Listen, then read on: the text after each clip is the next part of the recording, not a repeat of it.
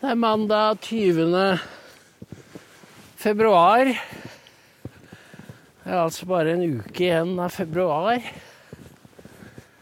Og nå er faktisk våren her. Helt utrolig. Jeg tror jo folk egentlig innerst inne liker disse klimaforandringene. Ja, de tør jo ikke si det offentlig, men hvem er det som har imot at våren kommer tidlig? Og spare folk for strømutgifter. Jeg tenkte vi skulle snakke litt om um, det som var toppoppslaget i uh, Dagsnytt i morges. Unilabs. Dere husker kanskje at vi skrev om Unilabs, og dere, de fleste av dere har vært i kontakt med dem for røntgen, MRI. De har leder i Norge er en fra Midtøsten, altså en muslim. Jeg husker ikke navnet i farten, men det kan jeg slå opp. Og han har da nektet for eh, avslått myndighetenes henstilling, anmodning om å fotografere tenner og hender på asyl- eller migranter som påstår de er unge. Og viser til menneskerettighetene, selvfølgelig. Og fikk, fikk tilslutning av han som tidligere var leder av Legeforeningen, Aarseth. Dette er det nye Norge. Og da, i den forbindelse, så kom det frem hvem eier Unilabs? For det er jo en kjede også i Norge og ikke bare her, men i hele Europa? Jo, det er Mersk, Mersk Møller. En av Danmarks største bedrifter. Som jo ikke er dansk lenger. Er in, det er internasjonalt. De har jo verdens største containerrederi. Men de ekspanderer altså i helt andre retninger. Og helse er blitt en vekstsektor. Så de eier Unilabs og holder til i Sveits. Så da er det ikke så rett, lett å få tak i dem. Men dette sier mye om hvordan den moderne globale kapitalismen virker.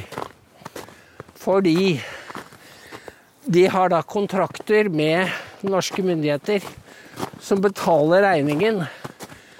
De tar bildene, og myndighetene har jo trodd at disse blir lest og tolket i Norge. Men det gjør de ikke. De blir sendt til Romania. Og det visste ikke norske myndigheter. Og Romania er et sånn shady land hvor det går an å gjøre ting som er umulig i Vest-Europa. Jf. Andrew Tate og hans sex call-business. Dette er jo ikke Dette er litt i samme gata, fordi det er helt på kanten, eller det er over kanten. For ikke bare visste ikke om Visste norske myndigheter ikke om at bildet ble sendt ut til et annet land. Men de vet heller ikke hvem det er som leser bildene der nede og gir pasienten og legen i Norge et svar. De vet ikke om vedkommende er autorisert engang. Og da begynner dette å bli veldig alvorlig. Det er på linje med Transportstyrelsen i Sverige som eh, Anders Ygemann var øverste ansvarlig for. For de outsourcet Vegvesenet og trafikkdata og all Statens kartverk. Alle disse etatene ble outsourcet til Bulgaria. Og der har jo KGB og russerne mange kontakter. Så det var jo det samme som å kompromittere noe av Sveriges mest vitale informasjon. For her visste de da De la altså ut hele kjøretøyregisteret til Sverige. Bare det. De la ut kart over havner, broer og hvor mye hver bro tåler av vekt.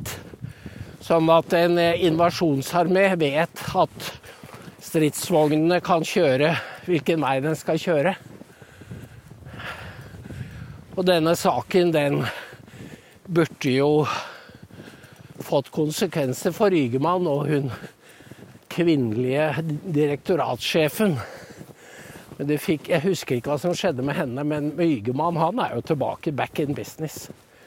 Og dette var igjen et eksempel på globalisme og outsourcing. Fordi det koster mye mindre å la det bli drevet nede i Bulgaria. Og det er selvsagt også det som er hensikten med Unilabs outsourcing, at de sparer penger. Og de informerer ikke norske myndigheter.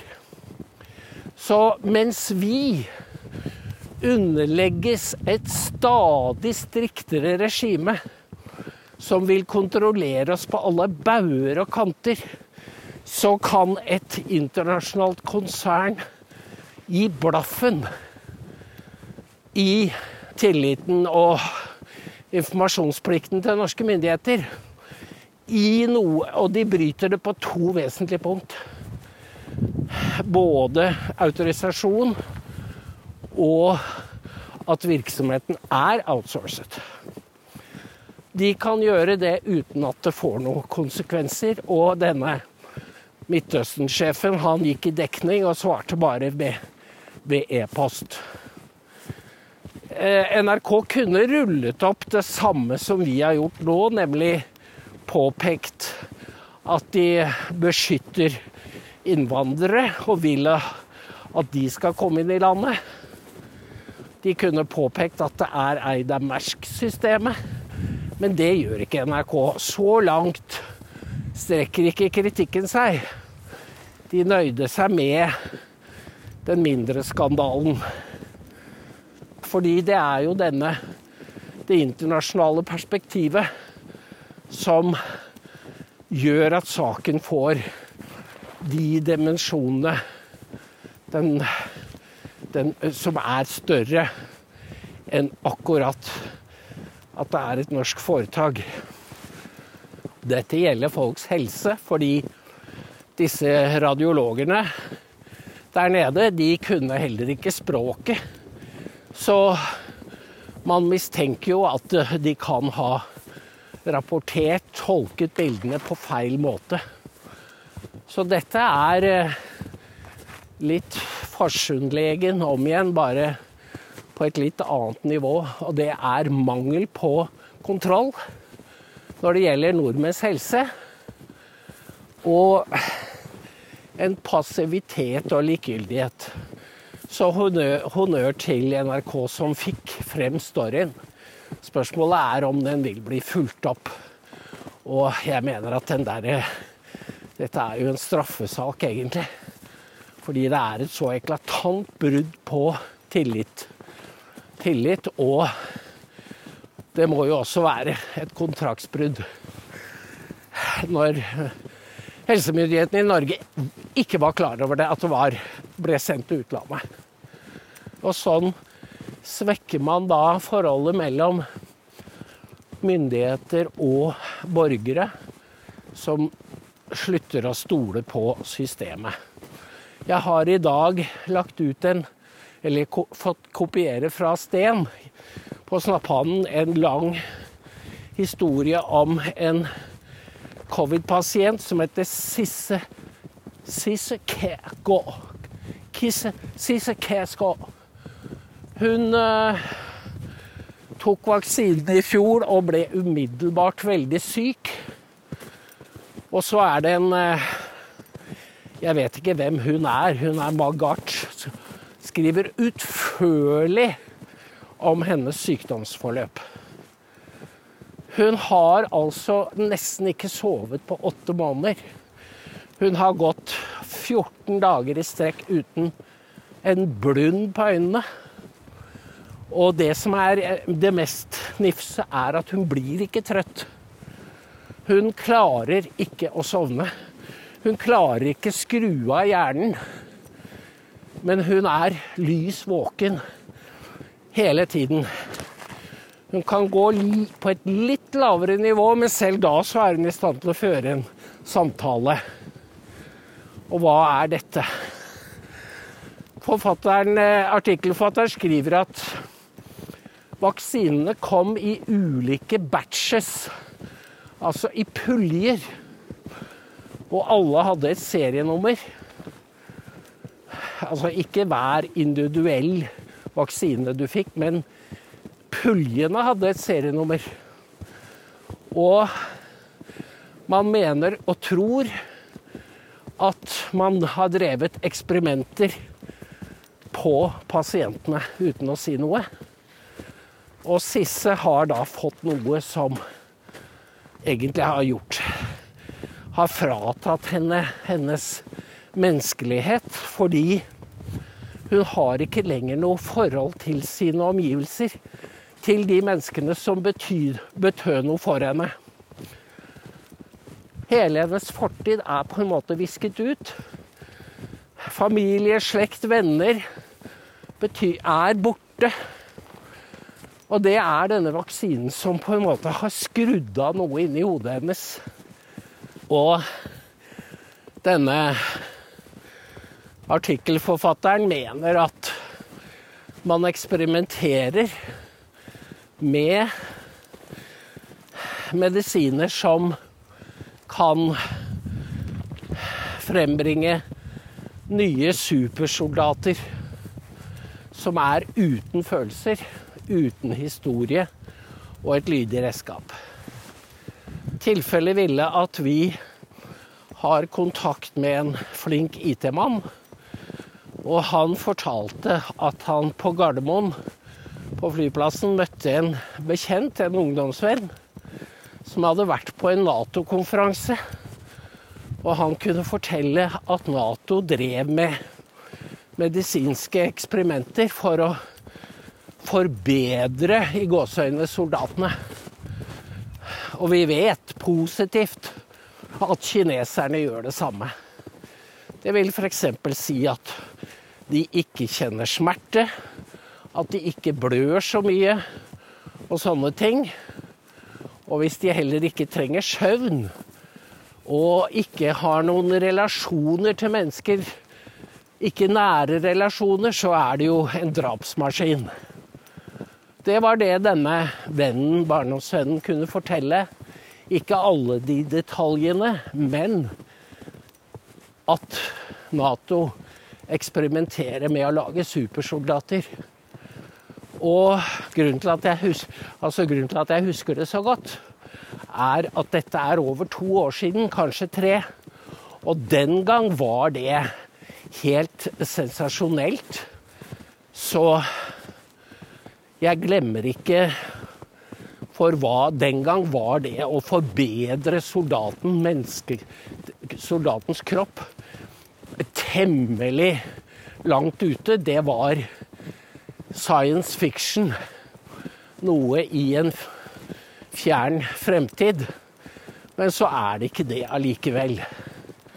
Det er realitet.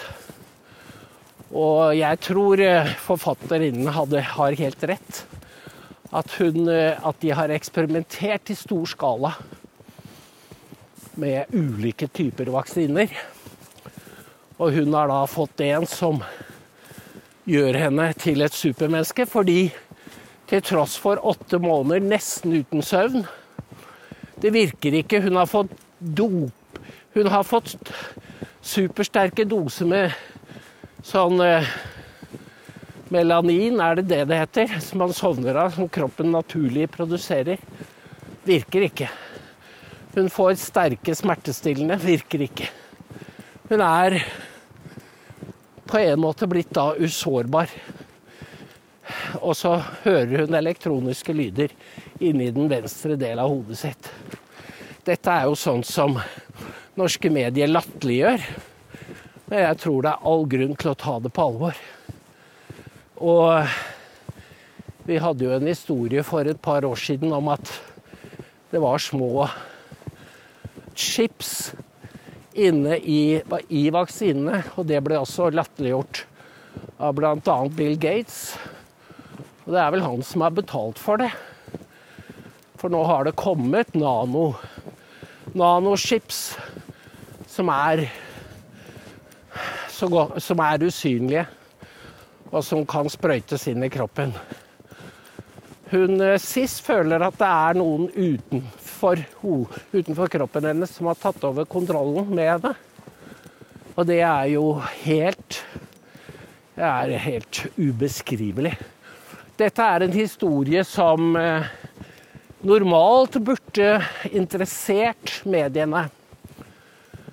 Fordi eh, hvis dere husker med talidomid og Agent Orange Disse kjemiske, biologiske katastrofene, så var jo mediene fulle av det. Men den gangen var det mediene en motstander av eksperimentering på mennesker. Men det er det ikke lenger. De er Noen er sågar aggressive apologeter for dette systemet. Og de har jo drevet med agitasjon for vaksinene over en lav sko. Folk blir jo veldig slitne i hodet av å høre disse historiene som er skrekk rene skrekkabinett. Men det må være mange leger som har veldig dårlig samvittighet, og som er klar over at det har skjedd ting som ikke tåler dagens lys. Og Her kan man med god grunn snakke om The Nuremberg Code, som altså ansvarliggjør alle som visste og var med på alle nivåer. Det var lærdommen etter annen verdenskrig. Og nå er vi i gang igjen. Og det var det hun holocaust-overlevende sa. Nå er vi i gang igjen. Derfor er det en plikt å si fra om disse antagelsene og indisiene, for de er ganske mange etter hvert. Og hun Sis hadde jeg Jeg så en video av henne fordi hun har vært i Tyskland og blitt intervjuet av Rainer Fulmich. Og Fulmich og hans medarbeidere. Og det gjorde veldig inntrykk på meg å se denne jenta, denne kvinnen, som var helt smadret, som danskene sier. Det er en annen lege som jeg fikk artikkel, som har skrevet en artikkel jeg fikk av Sten, og det var Han deltok i covid-regimet han er både lege, er legeutdannet i seks år og har tatt fireårig journalistutdannelse. Men han sier det kom en beskjed ovenfra fra politisk ledelse hvordan man skulle styre covid, informasjonsflyten. Og det var så på tvers av det medisinske at han hadde ikke samvittighet til å delta i det. Og sluttet og sier at eh, mediene er nå bare for medløpere. Selv har han blitt lege ut på Dragør. Dette er viktige historier. Det er sånne historier som våre medier under den kalde krigen fortalte om Øst-Europa og Sovjet. Og nå er vi der igjen. Nå er det vi som oppfører oss på samme måte. Jeg leste også historien om Mark Hauk, eller Hoich. Han eh, fri, frikirkepastoren fra Pennsylvania som med mange er det, syv-åtte barn. Han eh, og som har bedt utenfor abortklinikker Han, eh, saken hans ble jo droppet av lokale myndigheter. Lokale rettsmyndigheter, men Justisdepartementet i Washington tok saken opp igjen. De nektet å gi seg. De ville ha han stilt for retten. Så i august i fjor så kom det 15 FBI-agenter med dragende langvåpen, som de sier. Altså ikke pistoler, men maskinpistoler og rifler. Sto utenfor. 15 stykker. Og de rev han ut. Ungene ble hysteriske. Han spurte om han kunne få ha på seg noe annet enn en, en shorts, for det var, nei, det var ikke august, det var i september, og det var ganske kjølig. Han ble bare slengt inn i bilen og kjørt av sted. Og behandlingen han fikk, var meget røff. Han satt seks timer lenket til et bord som i en straffekoloni. Og han sa han ba og tenkte på Golgata. Det er skjebnen som venter kristne i dagens USA. Ikke de som følger lydig etter Biden, men de som er kristne og tar Guds ord på alvor. Hva, hva var Det er en egen lov som beskytter abortklinikkene, hvor altså det i noen stater drepes barn helt opp til fødselsøyeblikket. Det er en egen lov med forkortet akronymet FACE, tror jeg det er. Og denne Mark Hoik, H-E-U-C-H, han risikerte opptil elleve års fengsel for å stå og be utenfor en abortklinikk.